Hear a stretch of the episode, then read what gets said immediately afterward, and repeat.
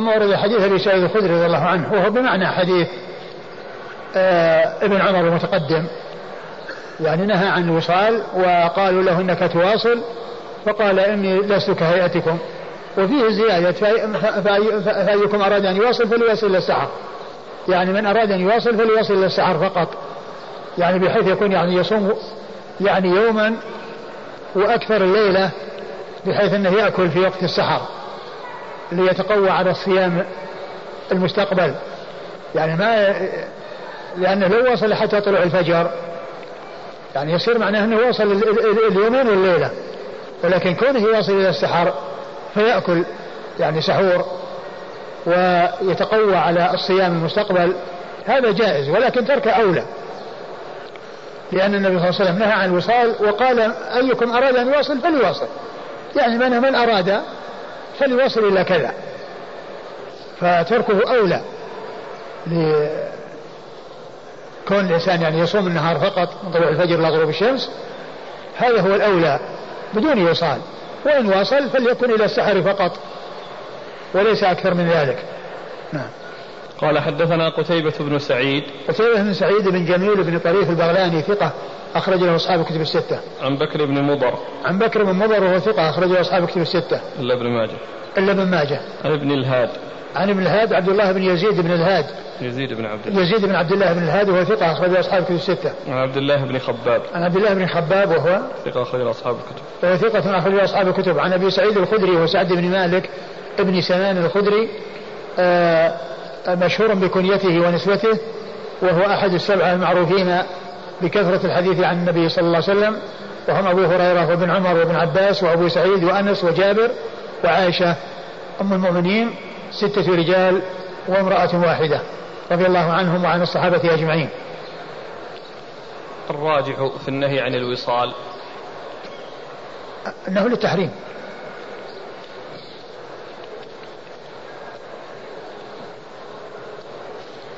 قال رحمه الله تعالى باب الغيبة للصائم.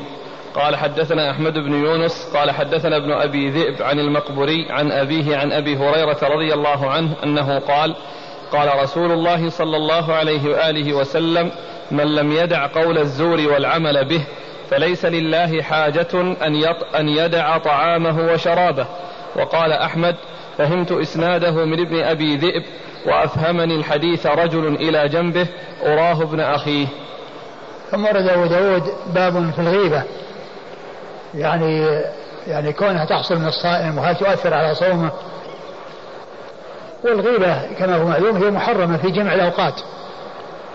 ولكن كون الإنسان متلبس بعبادة يكون الأمر أشد والأمر أعظم. وإلا فإنه غيبة غيبة محرمة. يعني دائما وأبدا إلا ما استثني منها فيما يتعلق بنصيحة ومشورة وجرح الرواة وجرح الشهود وما إلى ذلك من الأمور التي هي سائغة. وإلا فإن الأصل هو تحريمها دائما وأبدا ولكن إيرادها في الصيام والتنصيص عليها في الصيام يدل على خطورتها أكثر وأشد لأن المتلبس بالعبادة كونه يحصل منه المعصية أعظم من كونه يحصل من غير متلبس فيها. وكذلك في الزمان والمكان يعني كون الأمور المحرمة تحصل في يعني في بعض الأزمنة وبعض الأمكنة لا شك أنها آه، يكون آه، في الزمان الفاضل والمكان الفاضل يعني أمره أخطر أي المعاصي. أخطر وأشد من فعلها في أزمنة أخرى. يعني ليست ذات يعني آه، ميزة وذات فضل وشرف على غيرها من الأزمان. أورد أبي داود حديث أبي هريرة. أبي هريرة رضي الله عنه أن النبي صلى الله عليه وسلم قال من لم يدع قول الزور والعمل به فليس لله حاجة في أن يدع طعامه وشرابه. من لم يدع قول الزور والعمل به فليس لله حاجة في أن يدع طعامه وشرابه. الله عز وجل ليس بحاجة إلى العباد وإلى طاعاتهم. لا تنفعه طاعات المطيعين ولا تضره معاصي العاصين بل هو النافع الضار لا لا تنفعه الطاعة ولا تضره المعصية وإنما تنفع الطاعة أصحابها وتضر المعاصي أصحابها والضرر يعود عليهم. والله تعالى لا يعني ليس له حاجة يعني في أعمالهم ولا تضره معاصيهم وإنما هو النافع الضار سبحانه وتعالى. آه، أورد أبو داود حديث أبي هريرة من لم يدع قول الزور ولا عمل به فليس لله حاجة في أن يدع طعامه وشرابه. يعني معنى هذا أنه صام وترك الأكل والشرب وهي من الأشياء المباحة إلا أنه حيل بينه وبينها من أجل الصيام ولم يترك الشيء المحرم الذي لا يجوز له لا في الصيام ولا في غير الصيام. لا يجوز له لا في الصيام ولا في غير الصيام الذي هو الغيبة. ومعنى هذا أنه أن هذا فيه يعني بيان يعني خطورة المعاصي وأنها تنقص الأجر وتضعف الأجر وقد تكون سببا في حرمان الأجر ولكن لا يعني ذلك أن من حصل منه غيبة أنه اعتبر أفطر وأن صومه فسد وأن عليه أن يقضي يوما آخر وإنما عليه أن يستغفر الله عز وجل ويتوب مما حصل منه من الغيبة نعم قال حدثنا أحمد بن يونس أحمد بن عبد الله بن يونس ثقة أخرج له أصحاب كتب الستة. عن ابن أبي ذئب. عن ابن أبي ذئب محمد بن عبد الرحمن بن المغيرة ابن أبي ذئب ثقة أخرج له أصحاب كتب الستة. عن المقبري. عن المقبري عن أبيه. نعم. عن المقبري وهو سعيد بن أبي سعيد المقبري وهو ثقة أخرج له أصحاب كتب الستة عن أبيه وهو أيضا ثقة أخرج له أصحاب كتب الستة عن أبي هريرة عبد الرحمن بن صخر الدوسي صاحب رسول الله صلى الله عليه وسلم وهو أكثر الصحابة الحديث على الإطلاق رضي الله عنه وأرضاه. قال أحمد نعم قال أحمد فهمت إسناده من ابن أبي ذئب وأفهمني الحديث رجل إلى جنبه أراه ابن أخيه. قال أحمد يعني بن يونس الذي الذي في الإسناد هو شيخ أبي داود فهمت إسناده من أبي ذئب من ابن أبي ذئب اللي هو الإسناد. وأفهمني الحديث يعني المتن. رجل إلى جنبه يعني أظنه ابن أخيه. أراه ابن أخيه. أراه ابن أخيه. يعني ابن أخي ابن أبي ذئب. وهذا يفيد بأن بأنه يعني آه، فهم الإسناد من آه، ابن أبي ذئب وأنه ضبط الإسناد ولكن المتن يعني كأن هناك يعني شيء يعني جعله يعني ما آه، يضبط المتن تماما من أبي ذئب إما لبعده أو لأمر من الأمور أو عارض من العوارض ولكن ثبته به. يعني آه، نبهه عليه أو بين له نفس المتن آه، شخص إلى جنبه أراه ابن أخيه. نعم. قال حدثنا عبد الله بن مسلم القعنبي عن مالك عن أبي الزناد عن الأعرج عن أبي هريرة رضي الله عنه أن النبي صلى الله عليه وعلى آله وسلم قال الصيام جنة إذا كان أحدكم صائما فلا يرفث ولا يجهل. فإن امرؤ قاتله أو شاتمه فليقل إني صائم إني صائم. ثم ورد أبو داود حديث أبي هريرة أن النبي صلى الله عليه وسلم قال الصوم جنة يعني وقاية. الجنة هي الوقاية. كالجنة التي تكون يعني على المجاهد من مغفر يكون على رأسه أو ترس يعني يتقي به السهام ويتقي به ما يأتي من العدو. فهو جنة. والصوم جنة يعني آه، قيل من النار وقيل من المعاصي وكل منهما مراد. فإنه من أسباب السلامة من عذاب النار وأيضا فيه سلامة من المعاصي. فيه سلامة من المعاصي وذلك لأنه فيه ضعف النفس وضعف القوة. والنبي صلى الله عليه وسلم أرشد من لم يستطع الزواج أن يصوم. لأن وقال إنه له إيجاء يعني فهو جنة من المعاصي ووقاية من المعاصي. يقي. لأن الإنسان مع توسعه في الأكل والشرب يكون عنده القوة وعنده النشاط الذي قد يدفعه إلى الرغبة في أمر محرم. ولكنه إذا صام فإن ذلك يضعف قوته ويضعف شهوته فيكون ذلك من أسباب الوقاية من من المعاصي. قال عليه الصلاة والسلام في حديث مسعود الذي سبق أن مر من استطاع منكم الباءة فليتزوج فإنه أحسن للفرج وأغض البصر ومن لم يستطع فعليه بالصوم فإنه له وجاء. فهو جنة من المعاصي وجنة من النار.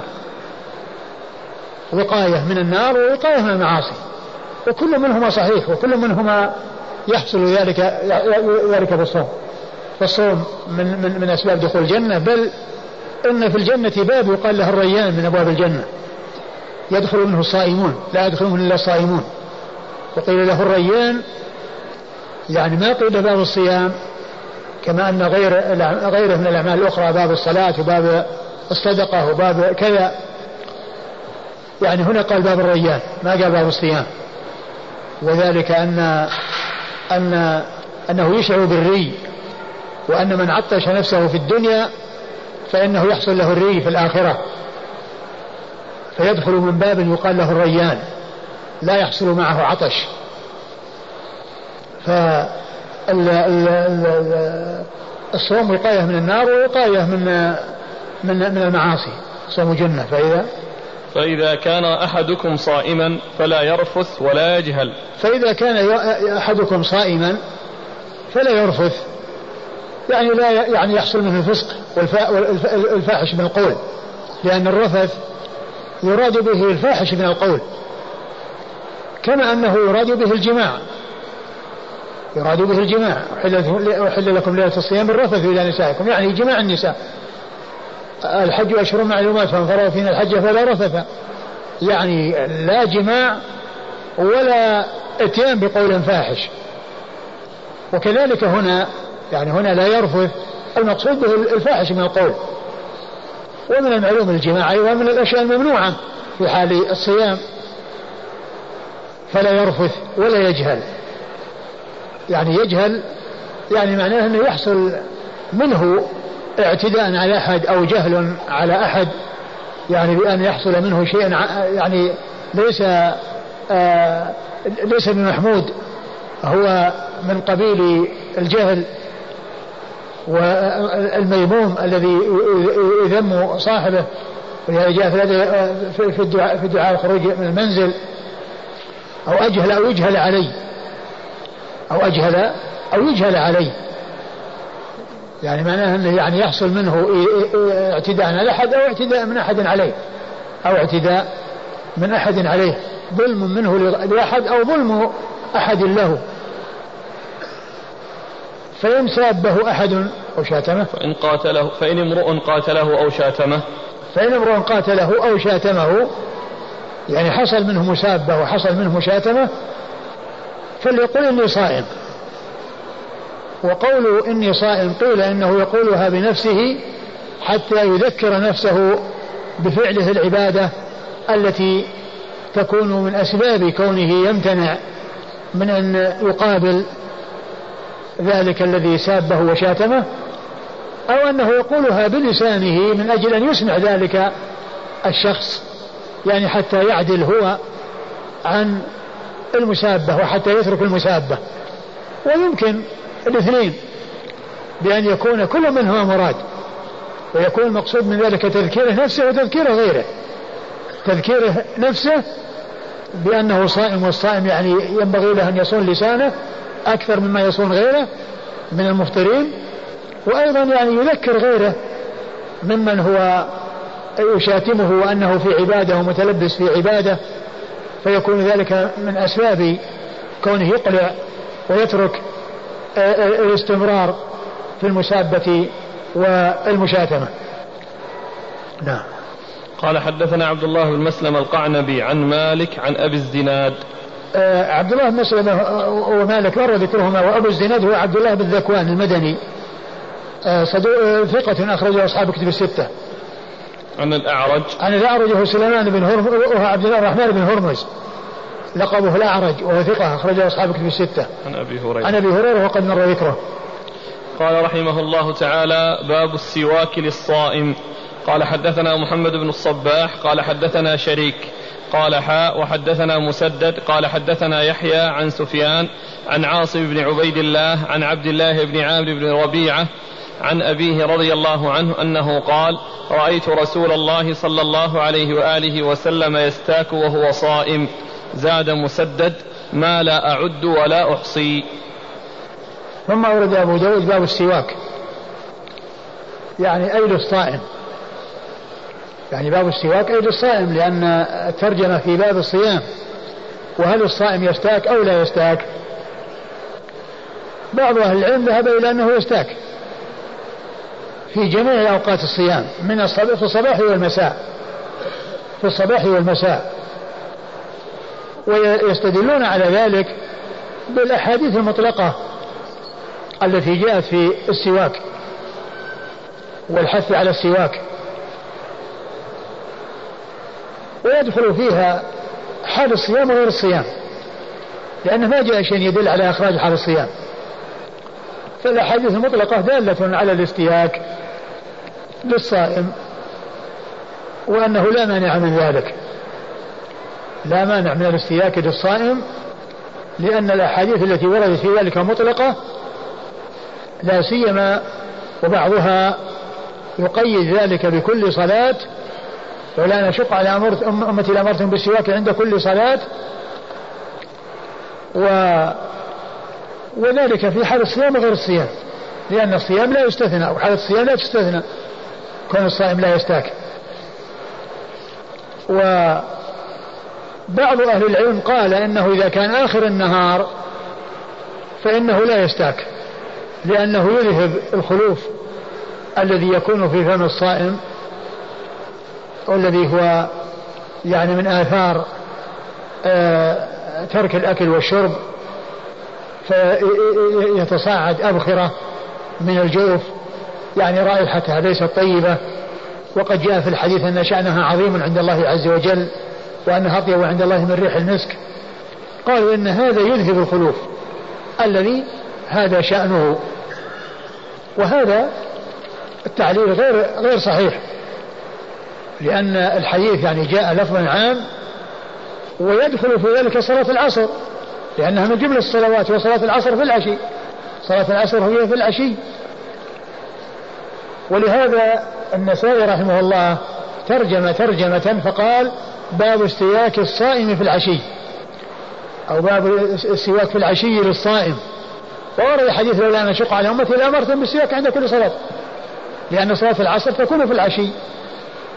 والرسول صلى الله عليه وسلم أمر أمر استحباب بالسواك عند كل صلاة وأنه لم يمنعه من الأمر أمر إيجاب إلا خشية المشقة على أصحابه صلى الله عليه وسلم.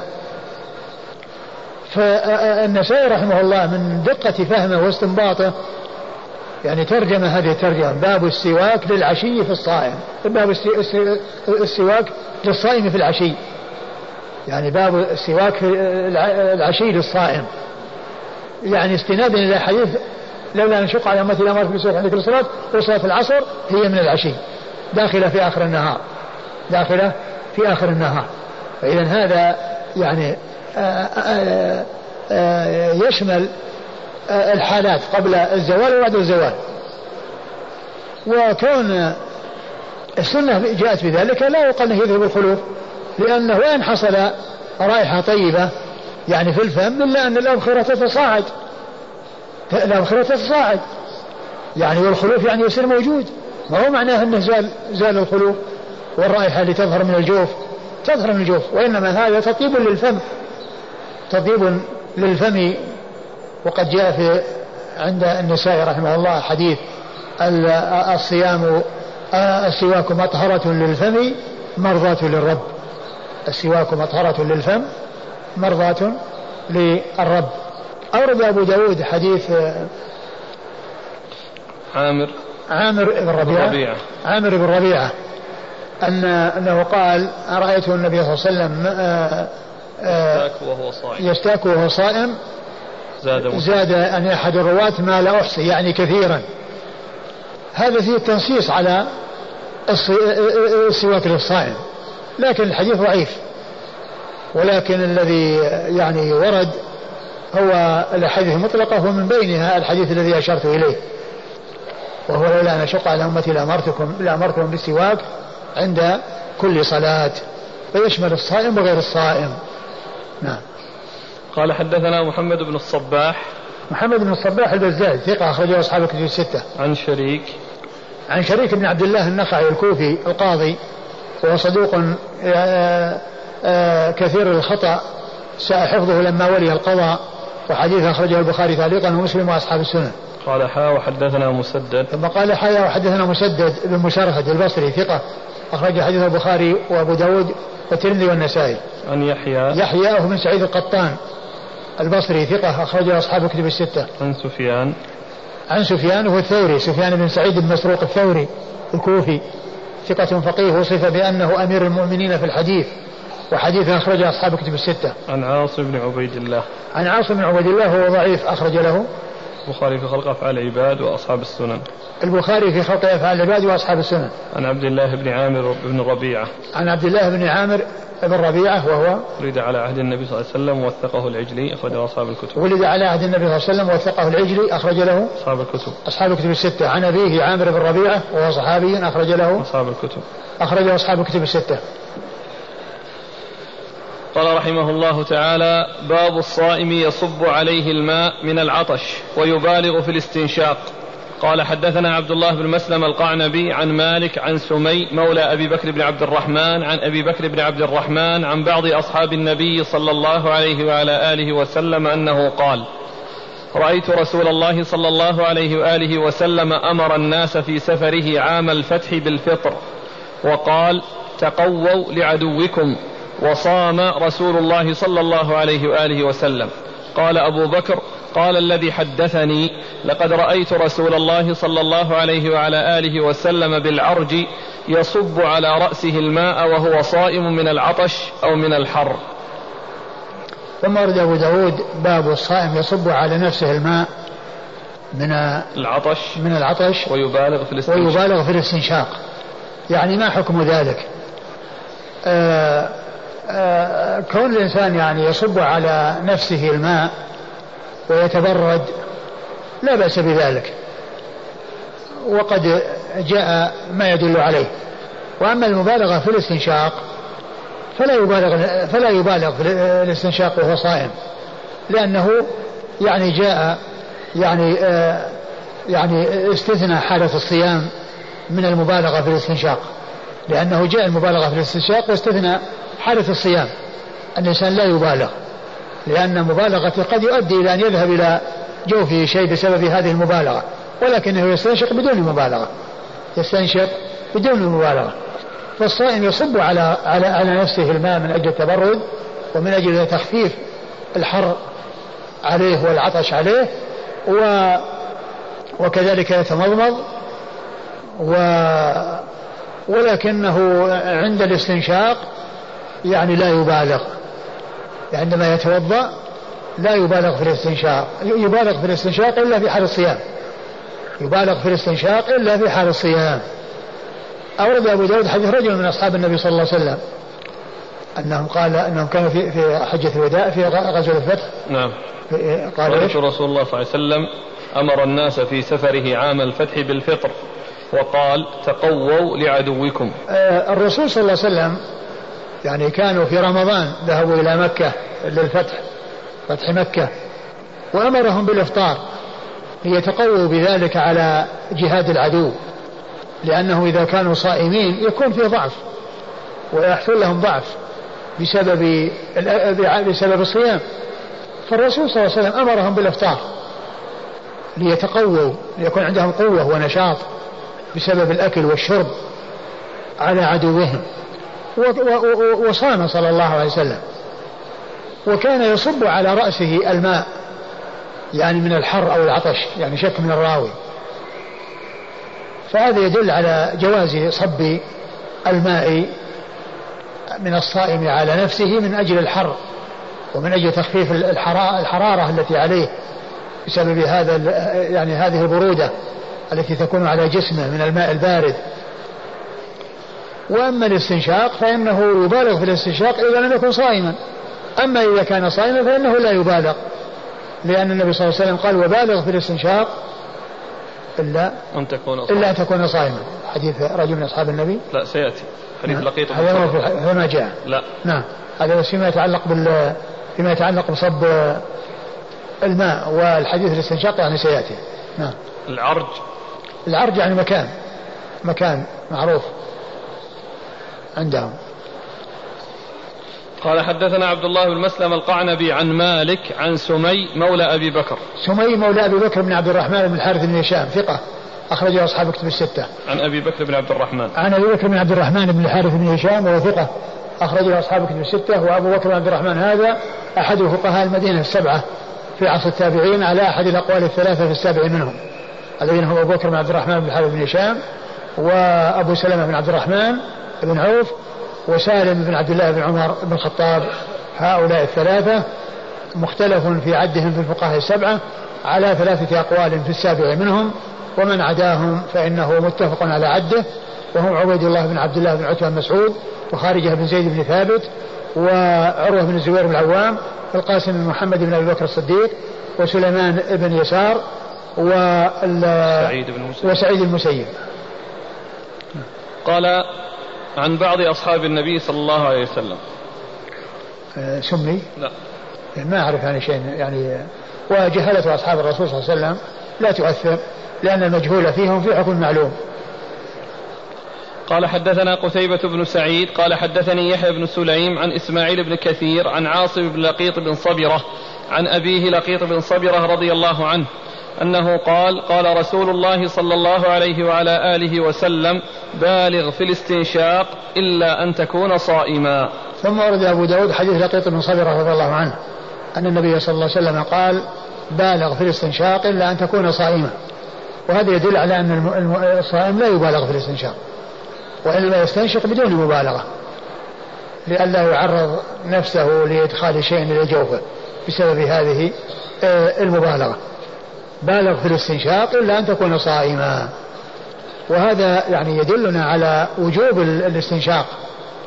لأنه لو كان لو كان يعني آه، ليس بواجب ما كان هناك يعني حاجة إلى الأمر به وأن الإنسان يبالغ به ويستثني من ذلك حالة الصيام. نعم. يستفاد منه حكم القطرة في الأنف للصائم.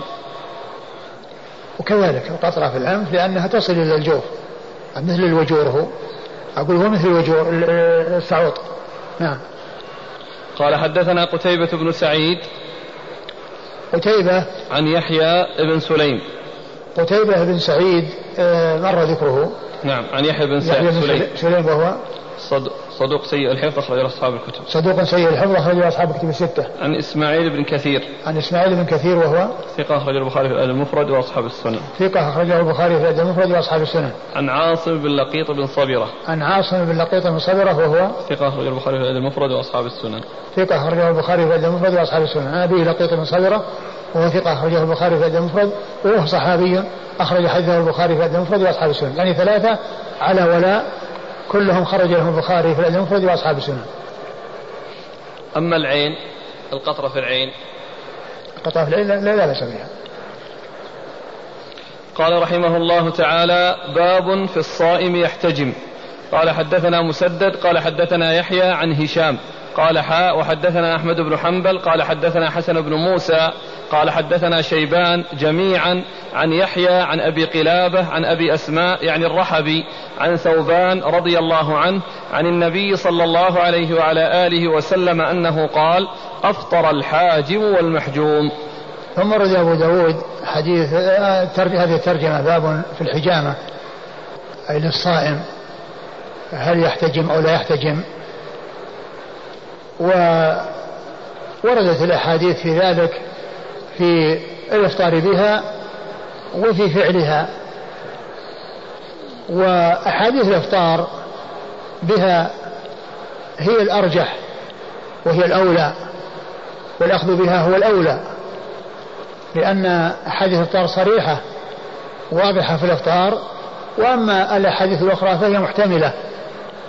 ثم أيضا هي مبقية على الأصل وأحاديث الإفطار ناقلة على الأصل كما قال ذلك ابن القيم رحمه الله ناقلة على الأصل والناقل أولى من المبقي والناقل أولى من المبقي على الأصل. آه أورد أبو داود حديث ثوبان يعني لأنه بدأ بأحاديث الإفطار كونها تفطر. أورد حديث ثوبان مولى رسول الله صلى الله عليه وسلم. أن النبي عليه الصلاة والسلام قال أفطر الحاجم والمحجوم يعني حيث حجم أو حصلت الحجامة في النهار وفي حال الصيام فإن الحاجم والمحجوم أفطر. كل منهما قد أفطر. الحاجم المحجوم لكونه خرج منه ذلك الدم الذي يضعفه ويكون سببا في ضعفه و والحاجم لأنهم كانوا فيما مضى يمصون المحجم يمص المحجم بفمه. فقد يطير بسبب هذا المص شيء من الدم. وهو إن لم يكن متحقق إلا أنه مظنة. ولهذا جاء أن النوم ينقض الوضوء لأنه مظنة النقض. يعني مظنة النقض. يعني كونه يحصل ريح وهو نائم وهو لا يدري عنها فهو مظنة وكذلك المص مظنة. أما إذا كان الحجامة بدون مص فإنه يفطر المحجوم دون الحاجم. يعني كما يعني يحصل أو كما حصل في يعني فيما بعد من وجود يعني حجامة بدون ما يكون الحاجم يمص المحاجم ويصل إلى جوفه شيء فإنه لا لا يفطر الحاجم لأن ما هناك شيء يتعلق به من حيث كون مظنة الإفطار. وإنما الذي حصل حصلت له الحجامة هو المحجوم هذا هو الذي يفطر. هذا هو الذي يفطر بالحجامة. فقوله صلى الله عليه وسلم أفطر الحاجم المحجوم على ما كان معهودا عندهم من أن الحاجم يمص المحاجم بفمه وأن ذلك مظنة دخول شيء إلى جوفه من الدم الذي في المحاجم. نعم. قال حدثنا أورد حديث ثوبان. نعم حديث ثوبان. إيه أفطر الحاجم والمحجوم. نعم نعم الإسناد قال حدثنا مسدد عن يحيى عن هشام. هشام عن من؟ عن من؟ ثم عن حول السند. إلى أن قال عن يحيى جميعا عن يحيى قال حدثنا مسدد قال حدثنا يحيى عن هشام قال حاء وحدثنا أحمد بن حنبل قال حدثنا حسن بن موسى قال حدثنا شيبان جميعا عن يحيى عن أبي قلابة عن يحيى يعني هشام هو ابن أبي عبد الله الدستوائي ثقة أخرج أصحاب كتب الستة. قال حاء وحدثنا أحمد بن حنبل. ثم قال حاء وحدثنا أحمد بن حنبل وهو الإمام المحدث الفقيه أحد أصحاب المذاهب الأربعة المشهورة من مذاهب أهل السنة وحديث أخرج أصحاب الكتب الستة. عن حسن بن موسى. عن حسن بن حسن بن موسى الأشيب وهو نعم ثقة أخرج أصحاب الكتب. ثقة أخرج أصحاب الكتب عن شيبان. عن شيبان بن عبد الرحمن النحوي وهو ثقة أخرج له أصحاب الكتب. أصحاب الكتب الستة. جميعا عن يحيى. جميعا عن يحيى عن من؟ عن أبي قلابة. عن يحيى هو بن أبي كثير. نعم. عن يحيى هو بن أبي كثير.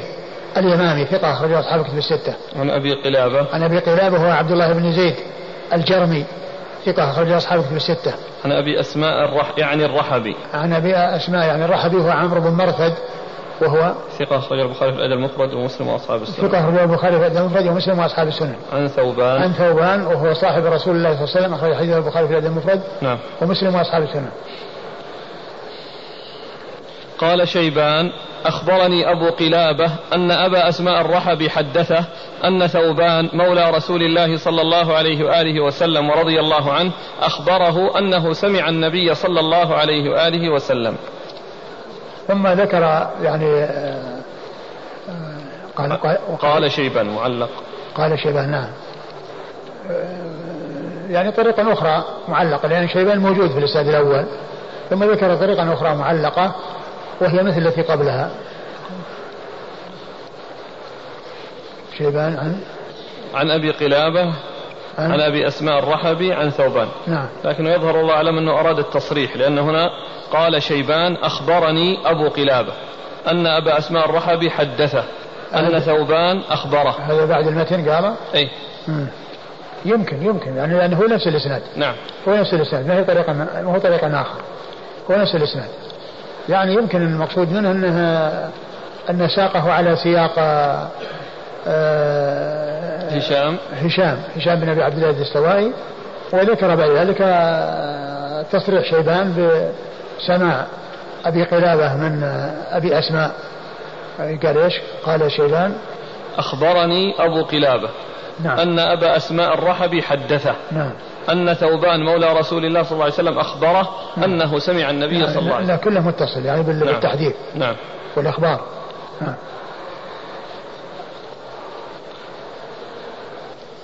قال حدثنا أحمد بن حنبل قال حدثنا حسن بن موسى قال حدثنا شيبان عن يحيى قال حدثني أبو قلابة الجرمي أنه أخبره أن شداد بن أوس رضي الله عنه بينما هو يمشي مع النبي صلى الله عليه وآله وسلم فذكر نحوه. ثم ورد الحديث حديث آخر عن شداد بن أوس رضي الله عنه وهو مثل حديث آه، ثوبان مولى رسول الله صلى الله عليه وسلم أنه كان يمشي مع النبي صلى الله عليه وسلم فذكره يعني وجد رجلا يعني يعني يحجم آخر فقال أفطر الحاجم والمحجوم يعني مثل الذي قبله. نعم. قال حدثنا أحمد بن حنبل نعم مر ذكره. عن حسن بن موسى عن شيبان عن يحيى عن أبي قلابة عن شداد بن أوس. شداد بن أوس صاحب رسول الله صلى الله عليه وسلم وحديثه أخرج أصحاب الكتب الستة. نعم. وحديثه أخرج أصحاب الكتب الستة. قال حدثنا موسى بن إسماعيل قال حدثنا وهيب قال حدثنا أيوب عن أبي قلابة عن أبي الأشعث عن شداد بن أوس رضي الله عنه أن رسول الله صلى الله عليه وآله وسلم أتى على رجل بالبقيع وهو يحتجم وهو آخذ بيدي لثمان عشرة خلت من رمضان فقال أفطر الحاجم والمحجوم. ثم ورد حديث شداد بن أوس من طريق أخرى وفيه أن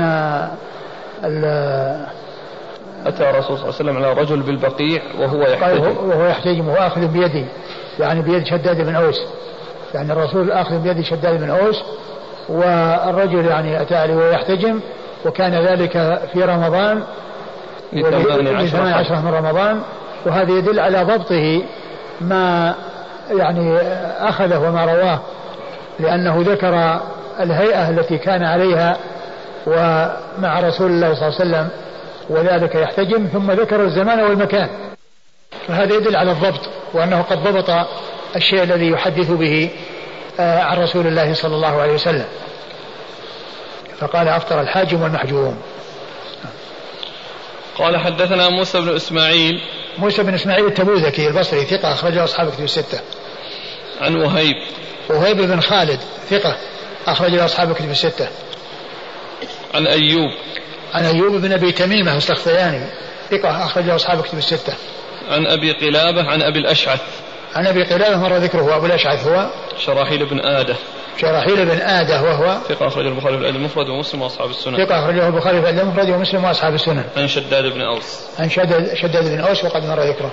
قال أبو داود وروى خالد الحذاء عن أبي قلابة بإسناد أيوب مثله. ثم قال أبو, أبو داود وروى خالد الحذاء عن أبي قلابة بإسناد أيوب مثله. يعني بإسناد أيوب الثاني هذا الأخير الذي مر.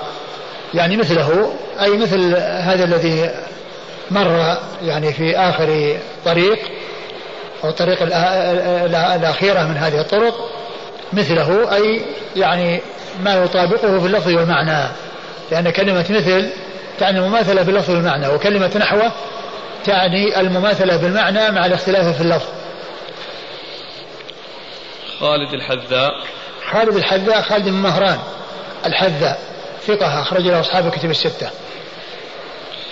قال حدثنا أحمد بن حنبل قال حدثنا محمد بن بكر وعبد الرزاق. حاء قال وحدثنا عثمان بن أبي شيبة قال حدثنا إسماعيل يعني ابن إبراهيم عن ابن جريج. قال أخبرني مكحول أن شيخا من الحي قال عثمان في حديثه مصدق. أخبره أن ثوبان مولى رسول الله صلى الله عليه وآله وسلم أخبره أن النبي صلى الله عليه وآله وسلم قال أفطر الحاجم والمحجوم. أعد. قال حدثنا أحمد بن حنبل قال حدثنا محمد بن بكر وعبد الرزاق. قال حاء وحدثنا عثمان بن أبي شيبة قال حدثنا إسماعيل يعني ابن إبراهيم عن ابن جريج. قال أخبرني مكحول أن شيخا من الحي قال عثمان في حديثه مصدق. أخبره أن ثوبان مولى رسول الله صلى الله عليه وآله وسلم أخبره أن النبي صلى الله عليه وآله وسلم قال أفطر الحاجم والمحجوم. ثم ورد حديث ثوبان رضي الله عنه من طريق أخرى وهو مثل ما تقدم الطريقة الأولى وما بعدها آه، أفطر الحاجم والمحجوم. نعم. قال حدثنا أحمد بن حنبل عن محمد بن بكر. محمد بن بكر هو البرساني صدوق قد يخطئ أخرجه أصحاب الكتب. صدوق قد يخطئ أخرجه أصحاب الكتب الستة. وعبد الرزاق. عبد الرزاق بن همام الصنعاني اليماني ثقة أخرجه أصحاب الكتب الستة. قال حاوى حدثنا عثمان بن أبي شيبة. عثمان بن أبي شيبة ثقة أخرجه أصحاب الكتب الستة إلا الترمذي وإلا النسائي فقد أخرج له في عمل اليوم والليلة عن إسماعيل يعني عن بن إسماعيل يعني إبراهيم. هو بن علية إسماعيل بن إبراهيم بن مقسم المشهور بن علية ثقة أخرج له أصحاب الكتب الستة. عن ابن جريج. عن ابن جريج عبد الملك بن عبد العزيز بن جريج المكي ثقة أخرج له أصحاب الكتب الستة. قال أخبرني مكحول. قال أخبرني مكحول وهو الشامي وهو ثقة أخرج البخاري في جزء القراءة ومسلم وأصحاب السنن. ثقة أخرجه البخاري في جزء القراءة ومسلم وأصحاب السنن. أن شيخا من الحي. أن شيخا من الحي يعني ذكر الحافظ في آه، المبهمات أنه يقال أنه آه، أبو أسماء. وسيأتي من طريق أخرى من طريق بعده وفيه التصريح برواية مكحول عن عن عن أبي أسماء. عن ثوبان. عن ثوبان. مر ذكره. نعم. قال حدثنا محمود بن خالد قال حدثنا مروان قال حدثنا الهيثم بن حميد قال أخبرنا العلاء بن الحارث عن مكحول عن أبي أسماء الرحبي عن عثمان عن ثوبان عن النبي صلى الله عليه وآله وسلم عن أبي أسماء الرحبي عن ثوبان. آه. أن النبي صلى الله عليه وسلم قال أفطر الحاجم والمحجوم. ثم ذكر الحديث من طريق أخرى وهو مثل ما تقدم. قال حدثنا محمود بن خالد. محمود بن خالد الدمشقي ثقة أخرج حديثه مسلم وأبو داود والنسائي. أبو داود النسائي بن ماجه. أبو داود والنسائي وابن ماجه. عن مروان. عن مروان بن محمد وهو ثقة أخرجه مسلم وأصحاب السنن. ثقة أخرجه مسلم وأصحاب السنن. عن الهيثم بن حميد. عن الهيثم بن حميد وهو صدوق أخرجه أصحاب السنن. صدوق أخرجه أصحاب السنن. عن العلاء بن الحارث. عن العلاء بن الحارث وهو صدوق أخرجه مسلم وأصحاب السنن. صدوق أخرجه مسلم وأصحاب السنن. عن مكحول عن أبي أسماء الرحبي عن ثوبان. وقد مر ذكرهم. قال أبو داود ورواه ابن ثوبان عن أبيه عن مكحول بإسناده مثله. قال قال أبو داود ورواه ابن ثوبان وهو عبد الرحمن بن ثابت ثوبان صدوق يخطئ أخرجه البخاري في الأدب المفرد. عبد الرحمن بن ثابت بن ثوبان صدوق يخطئ أخرج له البخاري في الأدب المفرد وأصحاب السنن. البخاري في المفرد ومسلم و- لا. والبخاري في المفرد وأصحاب السنن عن أبيه. عن أبيه وهو ثقة أخرج البخاري في الأدب المفرد وأبو داود والترمذي وابن ماجه. وهو ثقة أخرجه البخاري في المفرد و- وأبو داود والترمذي وأبو داود والترمذي وابن ماجه. عن مكحول. عن مكحول. نعم. الإخوة يسألون عن الآن تحليل الدم.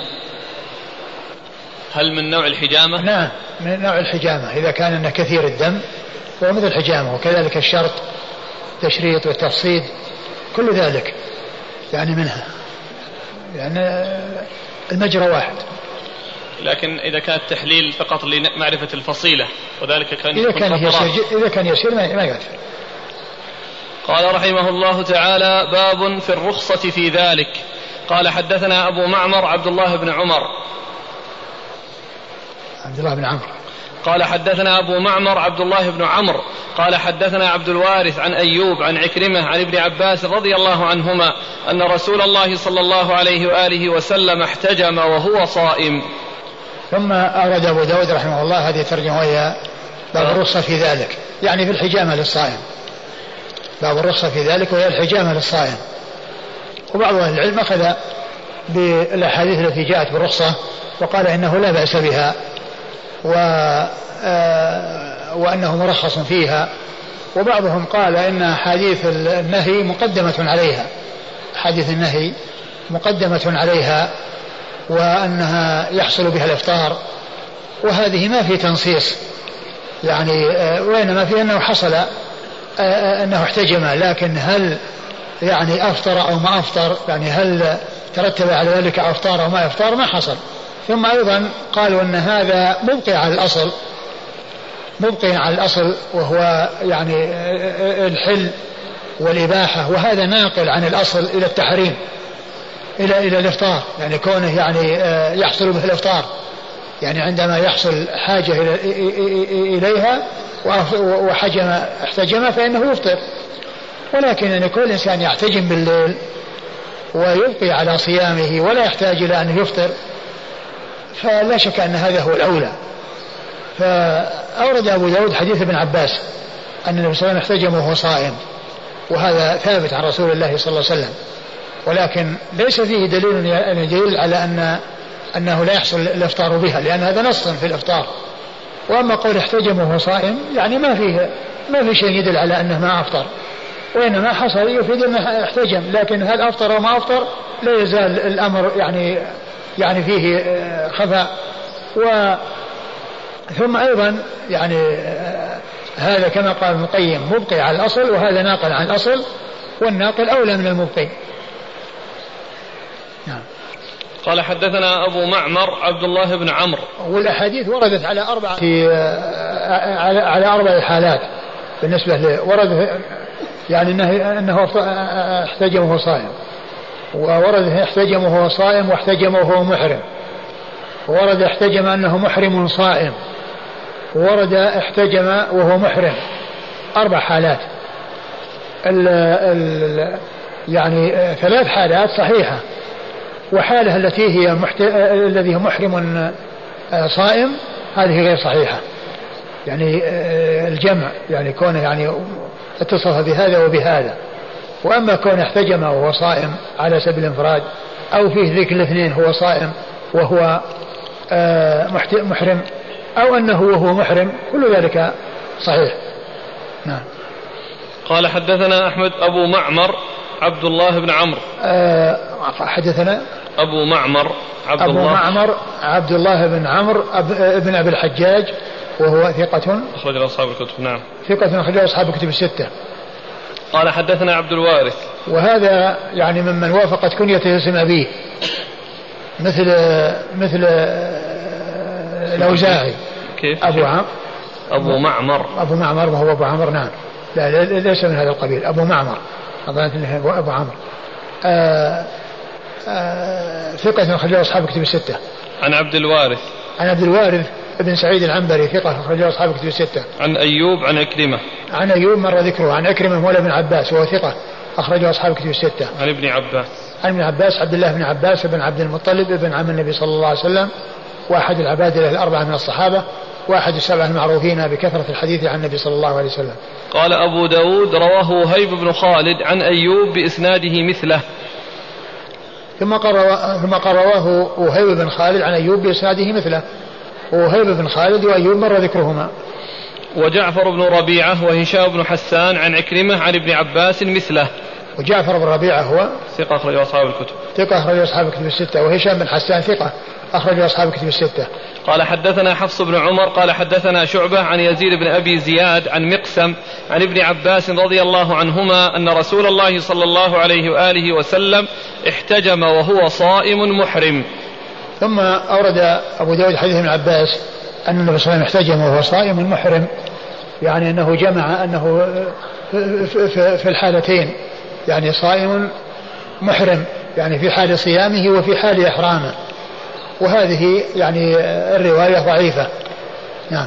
قال حدثنا حفص بن عمر. حفص بن عمر ثقة حديث البخاري وأبو داود والنسائي. عن شعبة عن شعبة بن الحجاج الواسطي ثقة أخرج أصحاب كتب الستة. عن يزيد بن أبي زياد. يزيد بن أبي زياد وهو ضعيف أخرجه البخاري تعليقا ومسلم وأصحاب السنن. وهو ضعيف أخرجه البخاري تعليقا ومسلم وأصحاب السنن. عن مقسم. عن مقسم مولى ابن عباس وهو ثقة أخرج له. صدوق أخرج البخاري وأصحاب السنن. وهو صدوق أخرجه البخاري وأصحاب السنن. عن ابن عباس. عن ابن عباس وقد مر ذكره. قال حدثنا أحمد بن حنبل قال حدثنا عبد الرحمن بن مهدي عن سفيان عن عبد الرحمن بن عابس عن عبد الرحمن بن أبي ليلى قال حدثني رجل من أصحاب النبي صلى الله عليه وآله وسلم أن رسول الله صلى الله عليه وآله وسلم نهى عن الحجامة والمواصلة ولم يحرمهما إبقاء على أصحابه. فقيل له يا رسول الله إنك تواصل إلى السحر. فقال إني أواصل إلى السحر وربي يطعمني ويسقيني. ثم ورد أبو داود حديث رجل من أصحاب النبي. حديث رجل من أصحاب النبي صلى الله عليه وسلم. أن النبي صلى الله عليه وسلم نهى عن الحجامة والمواصلة. والمواصلة. نهى عن الحجامة يعني للصائم والمواصلة في حق الصائم. قيل ولم يحرمهما ولم يحرمهما ولم يحرمهما إبقاء يعني على أصحابه. على أصحابه. يعني هكذا فهم الصحابي ولكنه جاء عنه أفطر الحاج والمحجوم. وهذا يعني يدل على أنه يحصل الفطر. ومن اضطر إلى ذلك فإنه يباح له أن أن يحتجم من النهار ولكنه يفطر. ولكن أن يكونه آه، يحتجم ولا يحصل له الإفطار هذا هو الذي فيه الإشكال. نعم. فقيل له يا رسول الله إنك تواصل إلى السحر. فقال إني أواصل إلى السحر وربي يطعمني ويسقيني. وهنا قال إنك تواصل السحر. قال إني أواصل إلى السحر ويطعم ربي ويسقيني. وقد جاء أنه يواصل الأيام وأنه واصل بهم أياما. كما أشرت إليه آنفا وأنه واصل بهم يعني في آخر الشهر قال لو تأخر الشهر لزدتكم كالمنكر لهم.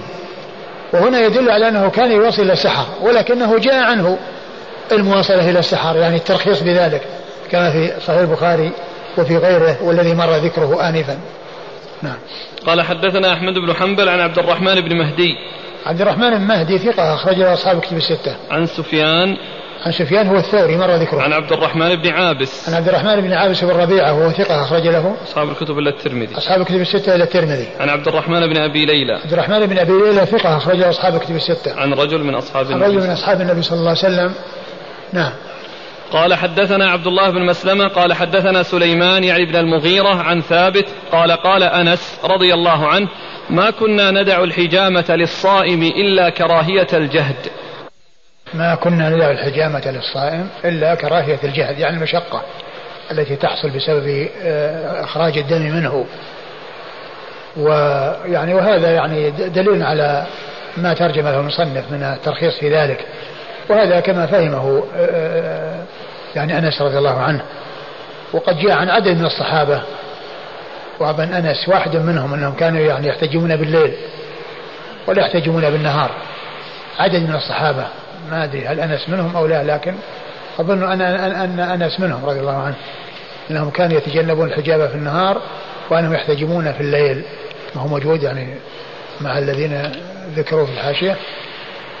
قال وروي عن جماعة من الصحابة أنهم كانوا يحتجمون ليلا منهم ابن عمر وأبو موسى الأشعري وأنس بن مالك. نعم وأنس منهم.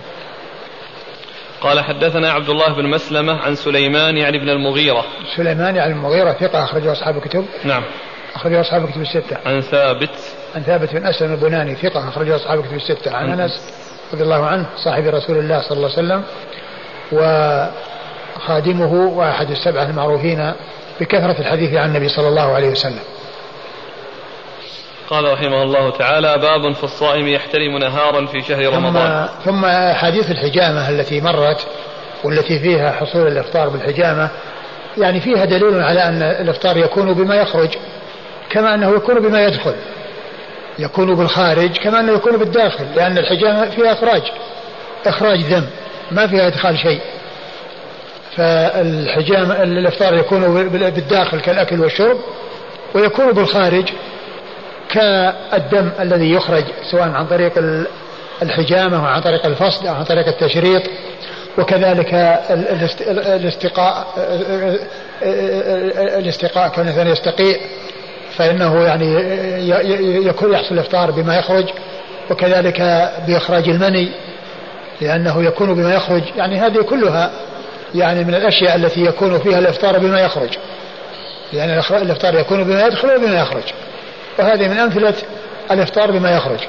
والله تعالى أعلم وصلى الله وسلم وبارك على عبده ورسوله نبينا محمد وعلى آله وأصحابه أجمعين. أحسن الله إليكم وجزاكم عنا خيرا وبارك الله فيما قلتم.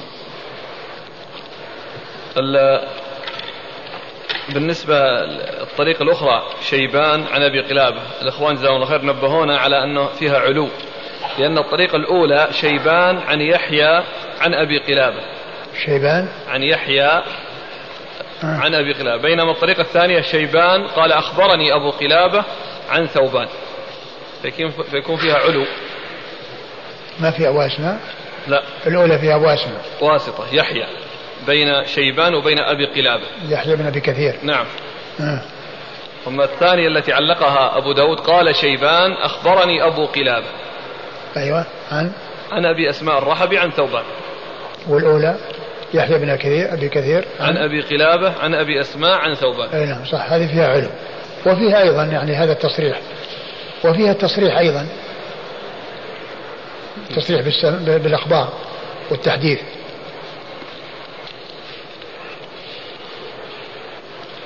يقول السائل فضيلة الشيخ حفظك الله هل من ترك هل من ترك أعمال الجوارح مع تلفظه بالشهادتين ووجود أصل الإيمان القلبي. هل يكفر أو لا يكفر؟ آه، معلوم أن من أعمال الجوارح الصلاة ومن يتركها فإنه يكون كافرا. والسؤال يتكرر هل العمل شرط صحة أم شرط كمال في الإيمان؟ العمل هو من الإيمان وهو جزء من الإيمان. ولكن هذا الجزء يتفاوت. يعني من حيث القوة ومن حيث الضعف. يعني ففيه شيء يعني تركه يعني يعني يعني لا يترتب عليه يعني مضرة لا سيما إذا كان من المستحبات. وفيه يعني شيء تركه يترتب عليه مضرة ويترتب عليه ذنب وفيه شيء يترتب على تركه الكفر. هل جاء في معنى يطعمني ويسقيني؟ أي يعطى العلم الشرعي؟ ما ما. يعني إيش العلم الشرعي هذا وش يعني دخله في قوة الجسم وفي وإنما القضية يعني في قدرة على الصيام. وهذا يعني ما جاء ولا أظنه يأتي. يعني كونه يعطى علم شرعي هو هو يعطى العلم هو العلم الشرعي ما جاء إلا من عنده. أقول هو الذي جاء بالعلم الشرعي وما عرف العلم الشرعي إلا منه صلى الله عليه وسلم. ولكن الكلام أعطى قوة قوة الآكل الشارب رجل كان في جدة وكان صائما في رمضان فلما سمع أذان الحرم المكي في التلفاز أفطر مع أذان الحرم المكي ولما يؤذن في جدة إلا بعد دقيقة. هل صيامه صحيح؟ صيامه صحيح. دقيقة ما تؤثر.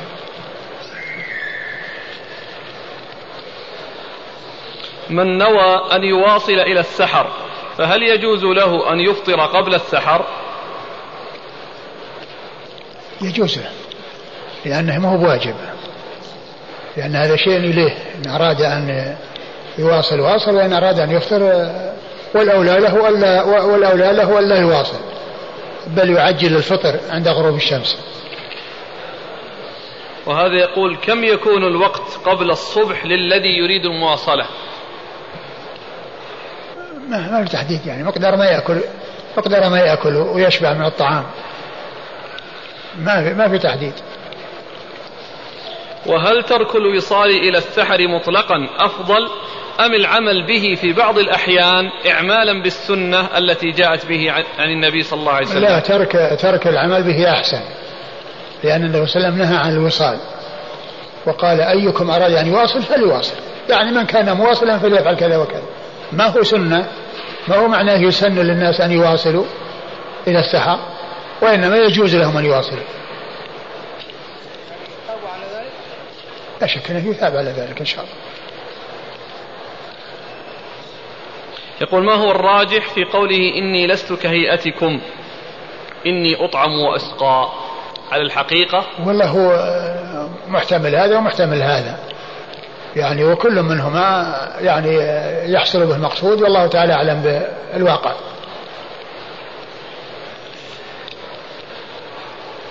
هنا يعني تعليق على من معاني هو يقول العلم الشرعي هناك يقول لا يقول أي ما يكون بينه وبين ربه من المناجاة والوحي فإن هذا يشغله عن الطعام والشراب.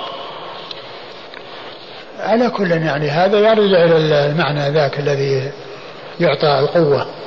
يعني أن يكون آه، يعني آه، اشتغاله بعبادة الله عز وجل ويعني يعني يعني يجعله يعني عنده قوة ويجعله يعني ما يفكر في الأكل والشرب يمكن.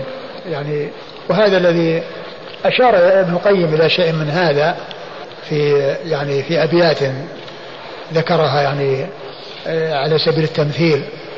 لها حديث من ذكراك من ذكراك تشغلها عن الطعام وتلهيها عن الزاد وكذا. هذه أبيات ذكرها. هل الجهر بقول إني صائم يدخل في الرياء إن كان الصوم تطوعا؟ لا ما يدخل في الرياء لأن هذا مأذون به شرعا وفيه مصلحة وفائدة يعني له ولغيره.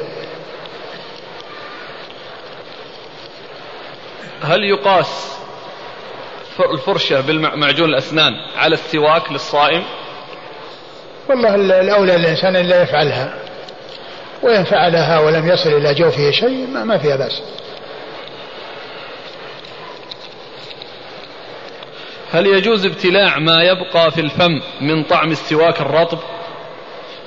إذا كان هناك المقصود به الريق الريق يبلع الإنسان. وأما إذا كان فيه حبيبات أو قطع فالإنسان لا يبلعها وإنما يلقيها.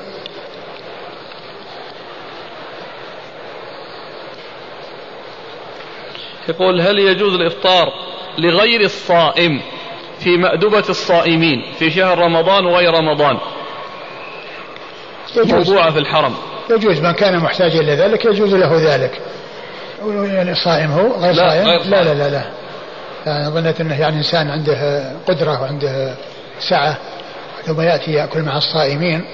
طبعا الإنسان قد يكون مثلا عنده قدرة ولكنه جاء وليس معه شيء وهذا مبذول لمن يفطر سواء كان يعني محتاج أو غير محتاج. وأما كل إنسان يعني غير صائم ثم يأتي هذا مو طيب. اولا يزاحم الصائمين والأمر الثاني يوهم انه صائم وهو صائم ويكون ممن يحمد بما لم يفعل.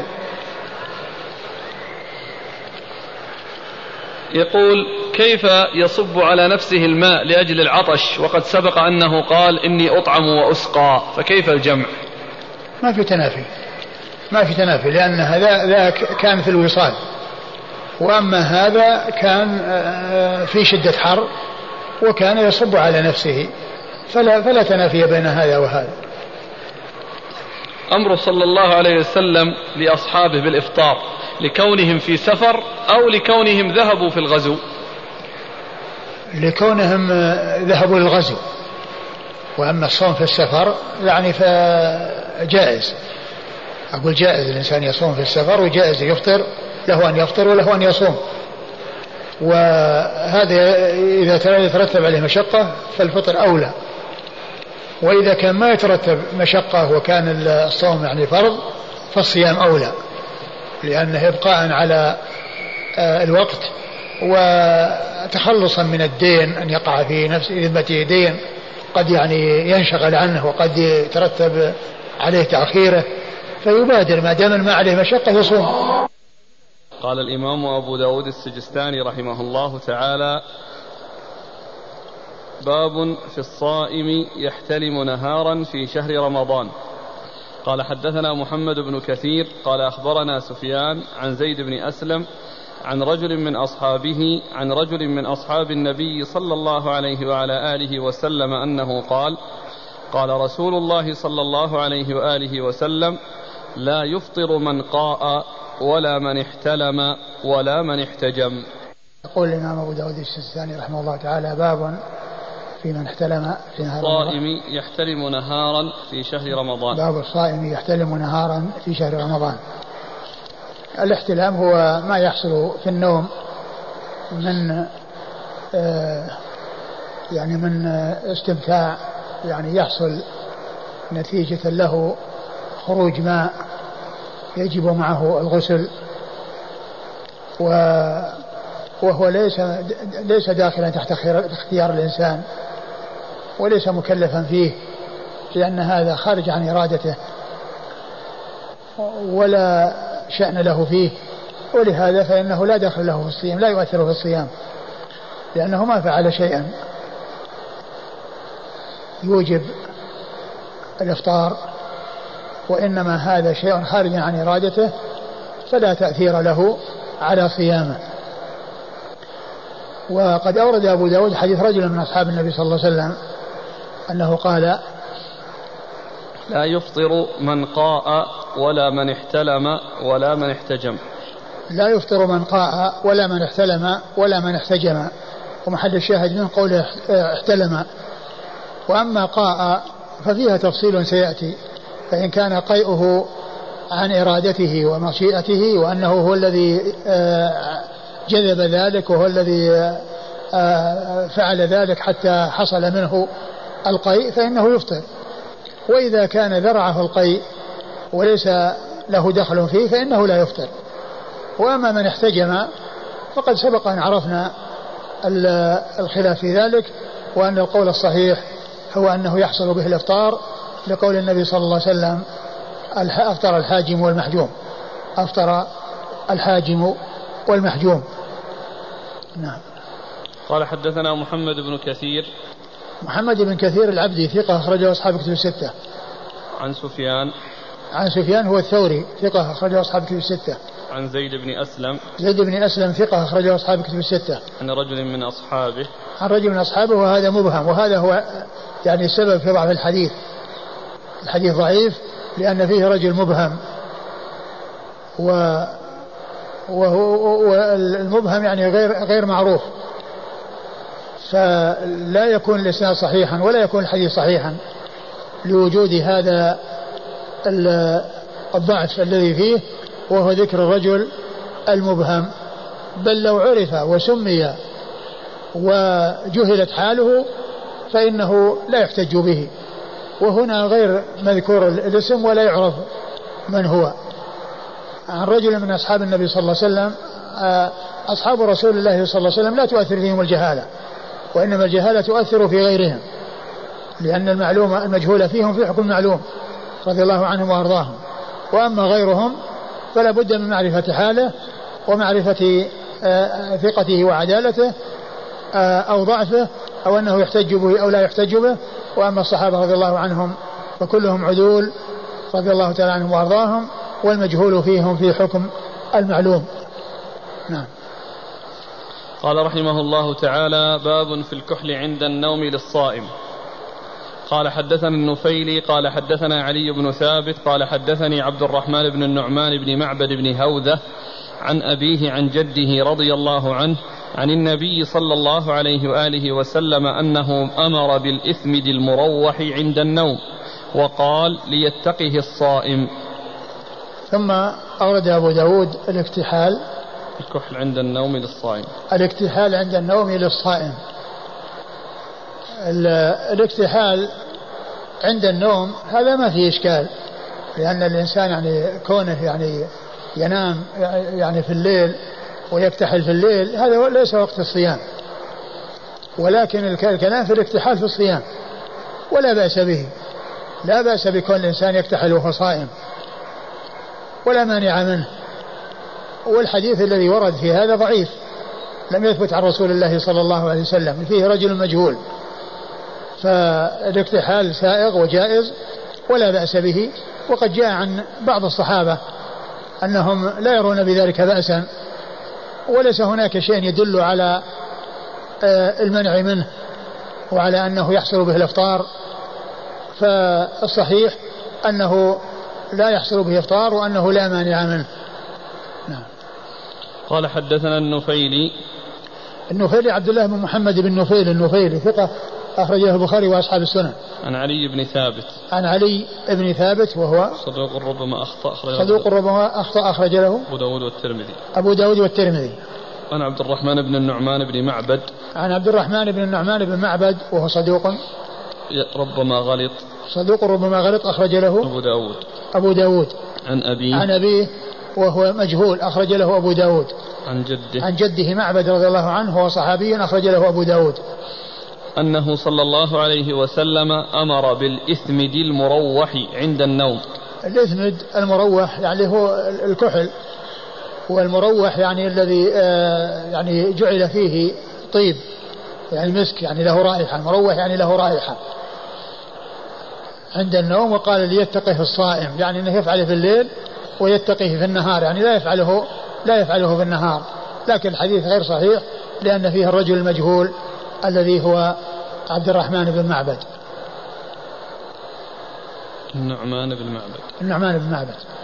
قال أبو داود قال لي يحيى بن معين هو حديث منكر يعني حديث الكحل. قال أبو داود قال لي يحيى بن معين هو حديث منكر. يعني وهذا تضعيف للحديث. نعم. قال حدثنا وهب بن بقية قال أخبرنا أبو معاوية عن عتبة أبي معاذ عن عبيد الله بن أبي بكر بن أنس عن أنس بن مالك رضي الله عنه أنه كان يكتحل وهو صائم.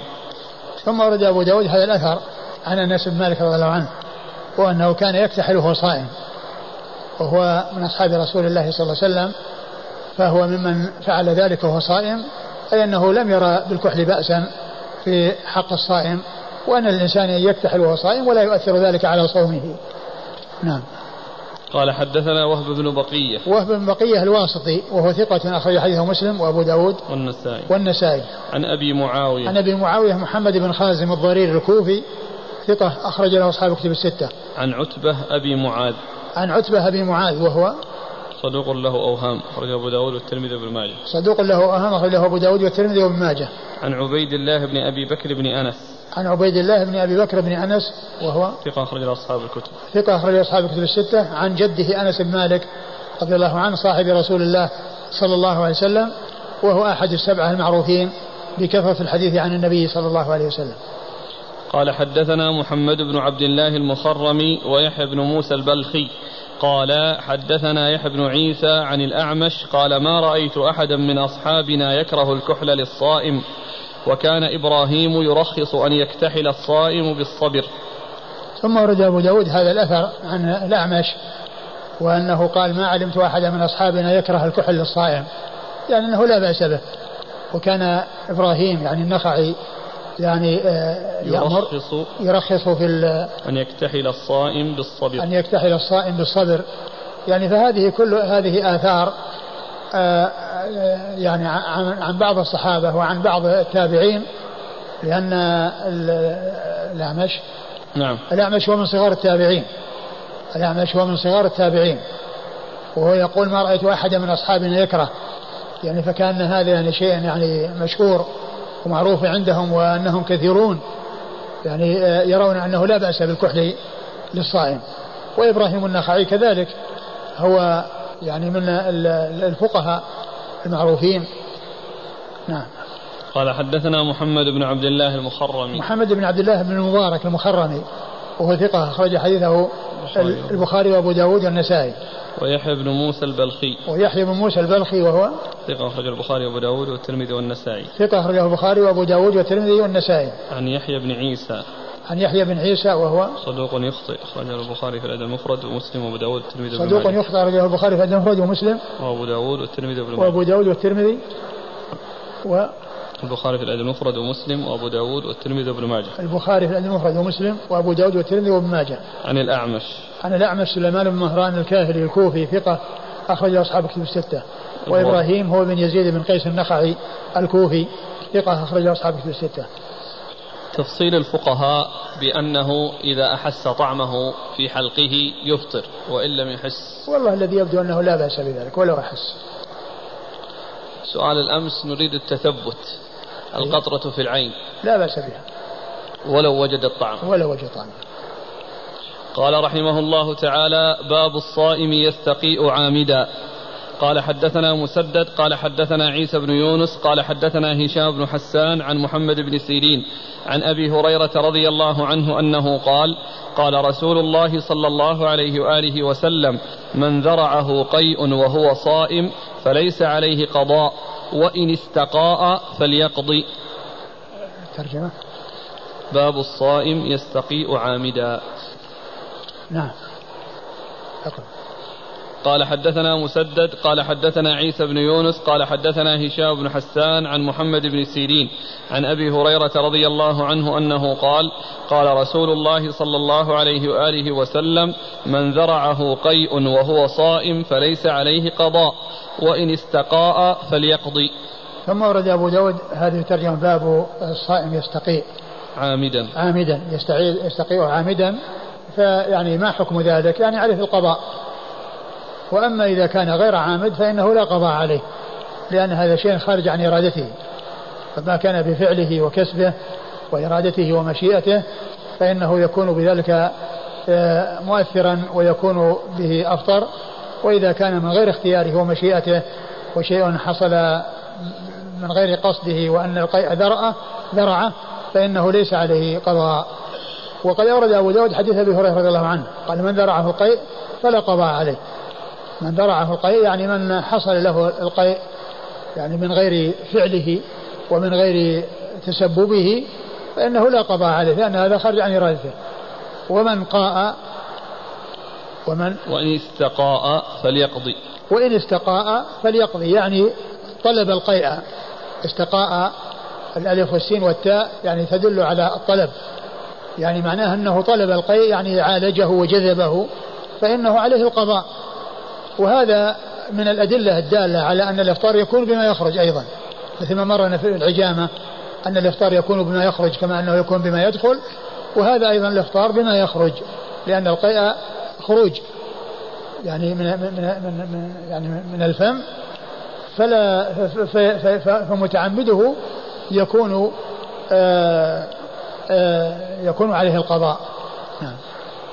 قال حدثنا مسدد مسدد بن مسرهد البصري ثقة أخرج حديث البخاري وأبو داود والترمذي والنسائي.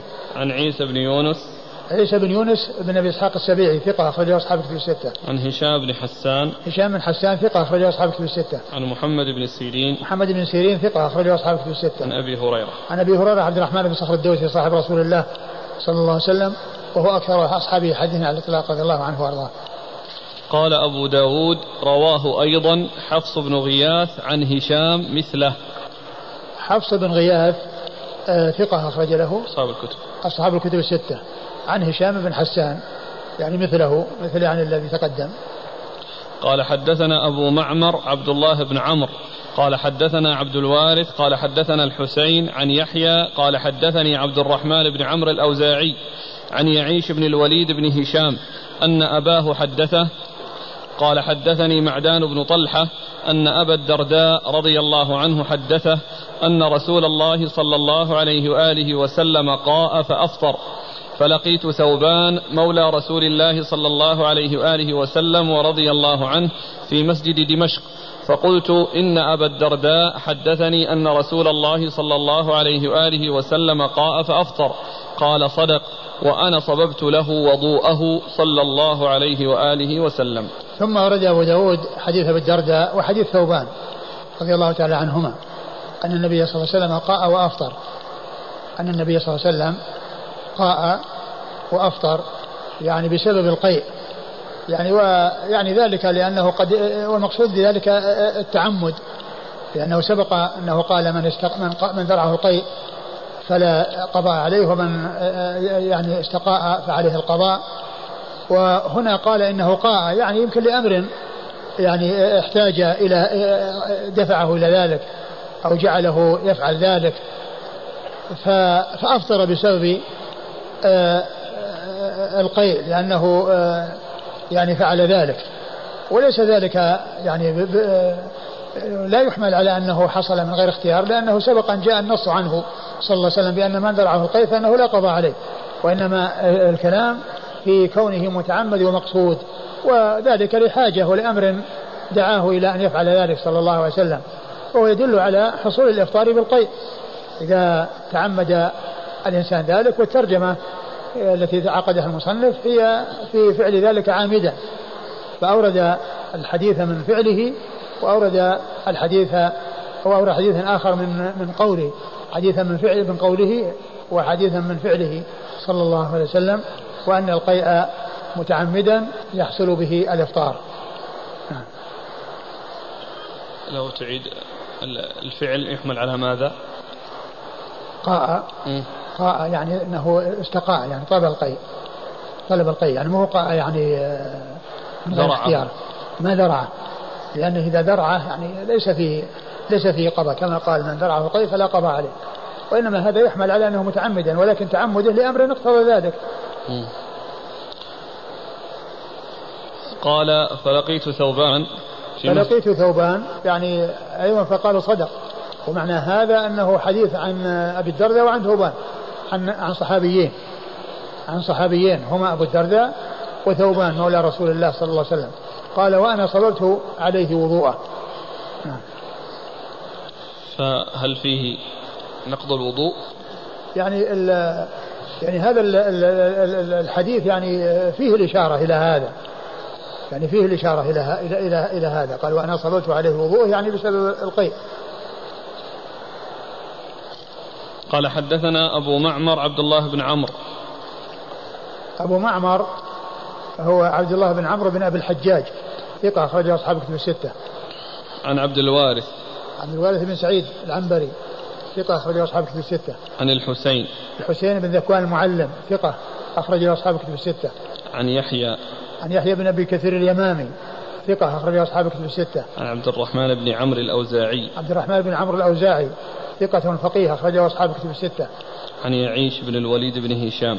عن عن يعيش بن الوليد بن هشام وهو ثقة أخرج أبو داود والترمذي والنسائي. ثقة أخرج أبو داود والترمذي والنسائي. عن أبيه عن أبيه ثقة أخرج له مسلم وأصحاب السنن. ثقة أخرج له مسلم وأصحاب السنن. عن معدان بن طلحة. عن معدان بن طلحة وهو ثقة أخرج له مسلم وأصحاب السنن. ثقة أخرج له مسلم وأصحاب السنن. عن أبي الدرداء. عن أبي الدرداء عويمر عويمر ابن اختلف عويمر بن زيد. اختلف في عويمر بن زيد نعم. عويمر بن زيد صاحب رسول الله صلى الله عليه وسلم وحديثه أخرجه أصحاب كتب الستة. عن وعن ثوبان أيضا صاحب رسول الله صلى الله عليه وسلم ومولاه وحديثه أخرجه البخاري في الأدب المفرد ومسلم وأصحاب السنة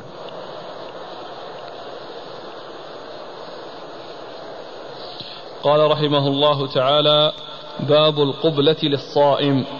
قال حدثنا مسدد قال حدثنا أبو معاوية عن الأعمش عن إبراهيم عن الأسود وعلقمة عن عائشة رضي الله عنها أنها قالت كان رسول الله صلى الله عليه وآله وسلم يقبل وهو صائم ويباشر وهو صائم ولكنه كان أملك لإربه.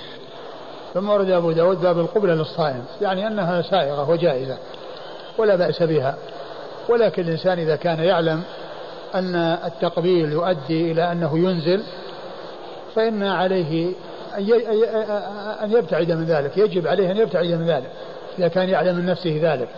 وأما إذا كان يعلم أنها لا تؤثر عليه وأنها لا تجعله يعني ينزل فإن ذلك سائر وجائز. ولو حصل مذي لأن المذي لا يؤثر وإنما لا يؤثر خروج المني. الذي يؤثر هو خروج المني. والمسألة يعني آه، تتبع كون الإنسان يعلم من نفسه أنها أنه لا يترتب على ذلك إنزال فلا بأس بها. وإذا كان يعلم أنه يترتب عليها ذلك أي الإنزال فإنه لا يجوز له. وقد أورد أبو داود حديث عائشة رضي الله عنها أنه كان يقبل وهو صائم ويباشر وهو صائم وكان أملك لإربه صلى الله عليه وسلم. قوله أملك لإربه يعني هذا فيه إشارة إلى أن الإنسان الذي لا يملك يعني إربه وأنه يحصل له أنه يحصل منه إنزال بسبب التقبيل أو اللمس الذي هو المباشرة فإن ذلك ليس له أن ليس له أن يفعل ذلك. وإذا كان يعلم من نفسه أنه لا يؤثر ذلك عليه فلا بأس بها فلا بأس بها. وقوله يباشر المقصود بذلك اللمس. يعني يعني البشرة تمس البشرة. يعني البشرة تمس البشرة. هذه قال له المباشرة. نعم. قال حدثنا مسدد عن أبي معاوية. مسدد وأبو معاوية مر ذكرهما. عن الأعمش عن إبراهيم عن الأسود وعلقمة. والأعمش وإبراهيم مر ذكرهما. والأسود هو الأسود بن يزيد بن قيس النقعي. ثقة أخرج أصحابه في الستة وعلقمة كذلك بن قيس أخرج أصحابه في الستة. عن عائشة. عن عائشة أم المؤمنين رضي الله عنها وأرضاها الصديقة بنت الصديق وهي واحدة من سبعة أشخاص عرفوا بكثرة الحديث عن النبي صلى الله عليه وسلم. قال حدثنا أبو توبة الربيع بن نافع. قال حدثنا أبو الأحوص عن زياد بن علاقة عن عمرو بن ميمون عن عائشة رضي الله عنها أنها قالت كان النبي صلى الله عليه وآله وسلم يقبل في شهر الصوم ثم ورد أبو داود حديث عائشة رضي الله عنها أنه كان يقبل في شهر الصوم. وهذا فيه التنصيص على على أن ذلك في الفرض. والحديث الأول يدل على العموم يعني يشمل الفرض والنفل. ولكن هذا فيه تنصيص على الفرض. ولو لم يأتي التنصيص على الفرض فإن اللفظ العام يعني يشمل الفرض والنفل. ولكن هذا يعني زيادة في تعيين الفرض وأنه كان يقبل في شهر الصوم. يعني يعني وهو صائم لأن التقبيل في الليل والجماع في الليل هذا ما فيه إشكال وإنما الشأن في النهار الذي هو محل الصيام. فالحديث دليل على أن القبلة للصائم ولو كان في آه، فرض ولو كان في فرض ولو كان في شهر رمضان إذا كان يعلم من نفسه أن ذلك لا يترتب عليه إنزال لا بأس بذلك. قال حدثنا أبو توبة الربيع بن نافع. أبو توبة الربيع بن نافع الحلبي وهو ثقة أخرج له. أصحاب الكتب إلا الترمذي. أصحاب الكتب الستة إلا الترمذي. وأبو توبة هذا هو الذي جاء عنه الكلمة المشهورة في حق معاوية رضي الله عنه أنه قال معاوية ستر لأصحاب رسول الله صلى الله عليه وسلم. فمن اجترأ عليه اجترأ على ما وراءه. يعني من اجترأ عليه فإنه يجترئ على غيره من الصحابة. أبو قال معاوية ستر لأصحاب رسول الله صلى الله عليه وسلم. يعني معناه أن من يعني سمحت نفسه له بأن يتكلم فيه فإن ذلك يجره إلى أن يتكلم في الصحابة رضي الله تعالى عنهم وأرضاهم. عن أبي الأحوص. أبي الأحوص سلام بن سليم الحنفي. ثقة أخرج له أصحاب الكتب الستة. عن زياد بن علاقة. عن زياد بن علاقة هو ثقة أخرج له أصحاب الكتب. أصحاب الكتب الستة. عن عمرو بن ميمون. عن عمرو بن ميمون ثقة أخرج له أصحاب الكتب الستة. عن عائشة. عن عائشة رضي الله عنها وقد مر ذكرها. قال حدثنا محمد بن كثير قال أخبرنا سفيان عن سعد بن إبراهيم عن طلحة بن عبد الله يعني بن عثمان القرشي عن عائشة رضي الله عنها أنها قالت كان رسول الله صلى الله عليه وآله وسلم يقبلني وهو صائم وأنا صائمة. ثم ورد أبو داود حديث عائشة رضي الله عنها أن النبي صلى الله عليه وسلم كان يقبله وهو صائم وهي صائمة. يعني كل منهما صائم. كل منهما صائم. وهذا يعني آه، كما هو معلوم يحمل أيضا على ما إذا كان يعني هو يعني يملك نفسه وهي أيضا يعلم أنها تملك نفسها وأنه لا يحصل منها شيء بسبب هذا التقبيل. قال حدثنا محمد بن كثير عن سفيان عن سعد بن إبراهيم. سعد بن إبراهيم ثقة أخرجه أصحاب كتب الستة. عن طلحة بن عبد الله. طلحة بن عبد الله هو ثقة أخرج البخاري وأبو داود والنسائي. ثقة أخرجه البخاري وأبو داود والنسائي. عن عائشة. عن عائشة رضي الله عنها وقد مر ذكرها. قال حدثنا أحمد بن يونس قال حدثنا الليث قال حا وحدثنا عيسى بن حماد قال أخبرنا الليث بن سعد عن بكير بن عبد الله عن عبد الملك بن سعيد عن جابر بن عبد الله رضي الله عنهما أنه قال قال عمر بن الخطاب رضي الله عنه هششت فقبلت وأنا صائم فقلت يا رسول الله صنعت اليوم أمرا عظيما قبلت وأنا صائم قال أرأيت لو مضمضت من الماء وأنت صائم؟ قال عيسى بن حماد في حديثه قلت لا بأس به. ثم اتفقا قال فمه ثم ورد أبو داود حديث عمر بن الخطاب رضي الله عنه أنه قال هششت وأنا صائم فقبلت. وهششت يعني معناه أنه آه، يعني آه، آه، حصل له ارتياح ويعني ميل إلى يعني هذا فقبله صائم ولكنه ما كان يعرف الحكم وكأنه استعظم ذلك ورأى أنه فعل أمرا عظيما. فجاء يستفتي رسول الله صلى الله عليه وسلم فقال له أرأيت لو تمضمضت وأنت صائم؟ فقال لا بأس بذلك. يعني عمر قال لا بأس بذلك. يعني أنه كل إنسان يتمضمض وهو صائم لا بأس فقال فما؟ يعني أن هذا مثل هذا. وهذا فيه دليل على إثبات القياس. هذا الحديث فيه دليل على إثبات القياس. لأنه قاس كونه يقبل وهو صائم الذي هو من مقدمات الجماع على المضمضة وهو صائم الذي هو مقدمة الشرب الذي هو مقدمة الشرب. وأن يعني هذا مثل هذا وكما أن هذا لا يؤثر فإن هذا لا يؤثر. أن يعني هذا لا يؤثر والقياس يعني إلحاق فرعا بأصل في حكم لجامع بينهما. حق فرع وهو هنا التقبيل بأصل وهو المضمضة آه، في حكم وهو عدم آه، ترتب يعني شيء على المضمضة أنها تفطر وكذلك التقبيل الذي هو وسيلة الجماع أنه لا يفطر. يعني لأمر يعني بينهما وهو أن كل من هو مقدمة لما هو مفطر فاتفق في الحكم. اتفق في الحكم فهذا فيه دليل على إثبات القياس وهي أدلة كثيرة. وسبق أن مر بنا قريبا قصة الرجل الذي ولدت امرأته غلاما أسود والنبي صلى الله عليه وسلم قال يعني هل لك من إبل؟ قال نعم. قال ما لونه؟ قال حمر. قال هل فيها من أورق؟ قال إن فيها ورقا. قال فماذا ترى؟ قال لعله نزع عرق. قال وأيضا هذا لعله نزع عرق. هذا أيضا من أدلة القياس وإثبات القياس. نعم. قال حدثنا أحمد بن يونس. أحمد بن عبد الله بن يونس ثقة أخرج له أصحاب كتب الستة. عن الليث. عن الليث بن سعد المصري ثقة فقيه أخرج له أصحاب كتب الستة. قال حا وحدثنا عيسى بن حماد. قال حا وحدثنا عيسى بن حماد التجيبي الملقب زغبة وهو ثقة أخرج حديثه مسلم وأبو داود. والنسائي بن ماجه. والنسائي بن ماجه. عن الليث بن سعد عن بكير بن عبد الله. عن الليث بن سعد عن بكير بن عبد الله بن الأشج وهو ثقة أخرجه أصحاب كتب الستة. عن عبد الملك بن سعيد. عن عبد الملك بن سعيد وهو ثقة أخرجه مسلم وأبو داود والنسائي بن ماجه. ثقة أخرجه مسلم وأبو داود والنسائي بن ماجه. عن جابر بن عبد الله. عن جابر بن عبد الله الأنصاري رضي الله تعالى عنهما وهو أحد السبعة المعروفين بكثرة الحديث عن النبي صلى الله عليه وسلم. عن عمر بن الخطاب رضي الله تعالى عنه أمير المؤمنين وثاني الخلفاء الراشدين الهادي المهديين صاحب المناقب الجمة والفضائل الكثيرة رضي الله عنه وأرضاه